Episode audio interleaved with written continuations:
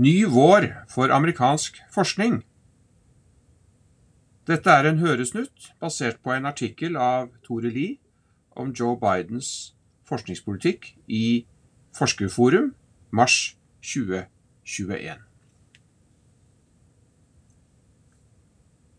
Mange i forskersamfunnet trakk et lettelsens sukk da Donald Trump forlot Det hvite hus den 20. januar 2021. Trump var ikke bare uinteressert i forskning. I mange sammenhenger markerte han seg som en motstander av vitenskapelig innsikt, noe vi så under hans håndtering av koronapandemien. I så måte representerer president Joe Biden den rake motsetningen til sin forgjenger. Mens Trump brukte to år på å utnevne en vitenskapelig rådgiver, lanserte Joe Biden sitt forskningspolitiske team fem dager før han ble innsatt som president. Biden har nominert den høyt respekterte genomeksperten Eric Lander til stillingen som presidentens vitenskapelige rådgiver. Det er første gang en forsker med bakgrunn fra livsvitenskapene er utpekt til denne posten. Det er også første gang i historien at presidentens vitenskapelige rådgiver løftes opp til å være regjeringsmedlem.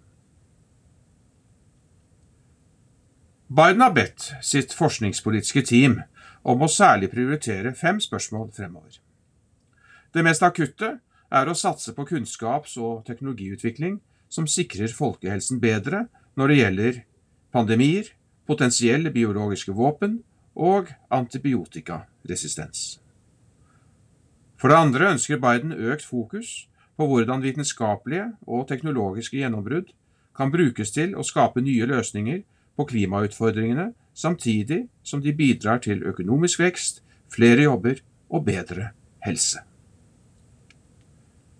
I Bidens forslag til gjenoppbyggingsplan er det satt av 400 milliarder dollar til klima- og energiforskning.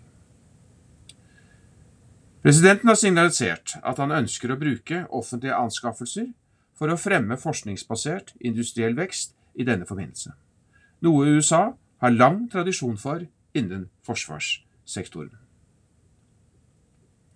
For det tredje er Joe Biden opptatt av at USA må være verdensledende innenfor teknologier og industrier av kritisk betydning for landets økonomiske velferd og nasjonale trygghet, så som kunstig intelligens og syntetisk biologi. I denne forbindelse viser den nye presidenten til at kinesiske styresmakter har gjort alt som står i deres makt for å fremme vekst innenfor bransjer som kan fortrenge amerikansk vitenskapelig og teknologisk lederskap. Bidens henvisning til Folkerepublikken viser at frykten for kinesisk vitenskapelig og økonomisk overtak har potensial til å bli en like sterk drivkraft for amerikanske myndigheters satsing på forskning og teknologi som trusselen fra Sovjetunionen hadde under den kalde krigen. Den kinesiske utfordringen er da også høyst reell. I 1997 svarte USA for 36% av verdens samlede investeringer i forskning og utvikling. Kina sto for 3% 20 år senere svarte Kina for en fjerdedel av klodens FoU-investeringer, og var blitt jevnstor med USA, som sto for 27% Videre har Biden uttrykt et ønske om at fruktene av landets vitenskapelige og teknologiske innsats kommer alle i det amerikanske samfunnet til gode, uavhengig av rase, kjønn, økonomiske og geografiske skillelinjer. Biden er lite konkret på dette punktet, så det gjenstår å se om dette bare blir en drøm. Endelig har Trump-administrasjonens antivitenskapelige tendenser ført til at Biden understreker behovet for bedre sikring av den vitenskapelige integriteten innenfor den føderale administrasjonen. Den nye presidenten er også opptatt av at føderale etater settes i stand til å tiltrekke seg de beste forskerne og teknologene. Biden har også som mål at USA fortsatt skal være en magnet for de beste hjernene rundt om i verden. Hvilke muligheter har så Joe Biden for å få gjennomført sine forskningspolitiske mål og strategier. Frem til mellomvalget i 2022 er i hvert fall Biden godt stilt, som følge av at demokratene kontrollerer begge kamrene i Kongressen. Sammenlignet med det norske Stortinget har den amerikanske kongressen langt større innflytelse på den utøvende forskningspolitikken. De sentrale stillingene i den føderale FoU-administrasjonen må godkjennes av Senatet, som eksempel direktørene for det allmennfaglige forskningsrådet National Science Foundation, det medisinske forskningsrådet National Institutes of Health og romfartsorganisasjonen NASA. Kongressen har også stor innflytelse på størrelse og innretning på de føderale FoU-budsjettene.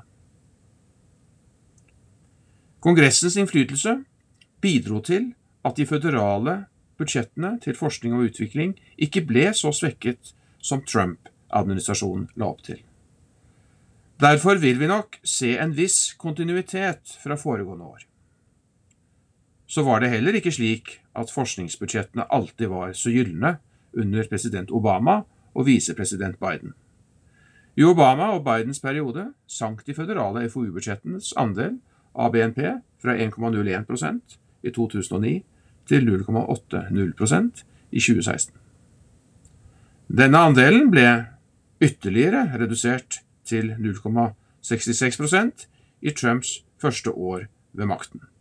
Men i 2020 lå andelen på 0,74% Under Obama-Biden-administrasjonen svarte forskning og utvikling for 4% av det samlede føderale budsjettet, med en svakt synkende tendens.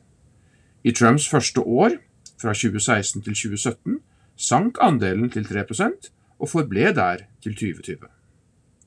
Det var særlig de forsvarsrettede FoU-bevilgningene som ble kuttet fra 2016 til 2017. Støtten til allmennfaglig grunnforskning, landbruksrettet og medisinsk FoU samt romvirksomhet holdt seg stabil under Trump. Energidepartementet opplevde vekst. Så gjenstår det å se om økonomiske begrensninger og andre hensyn gjør at Biden-administrasjonen ikke klarer å realisere sine forskningspolitiske visjoner. Uansett har det i hvert fall skjedd en retorisk vårløsning fra Det hvite hus for forskningens vedkommende.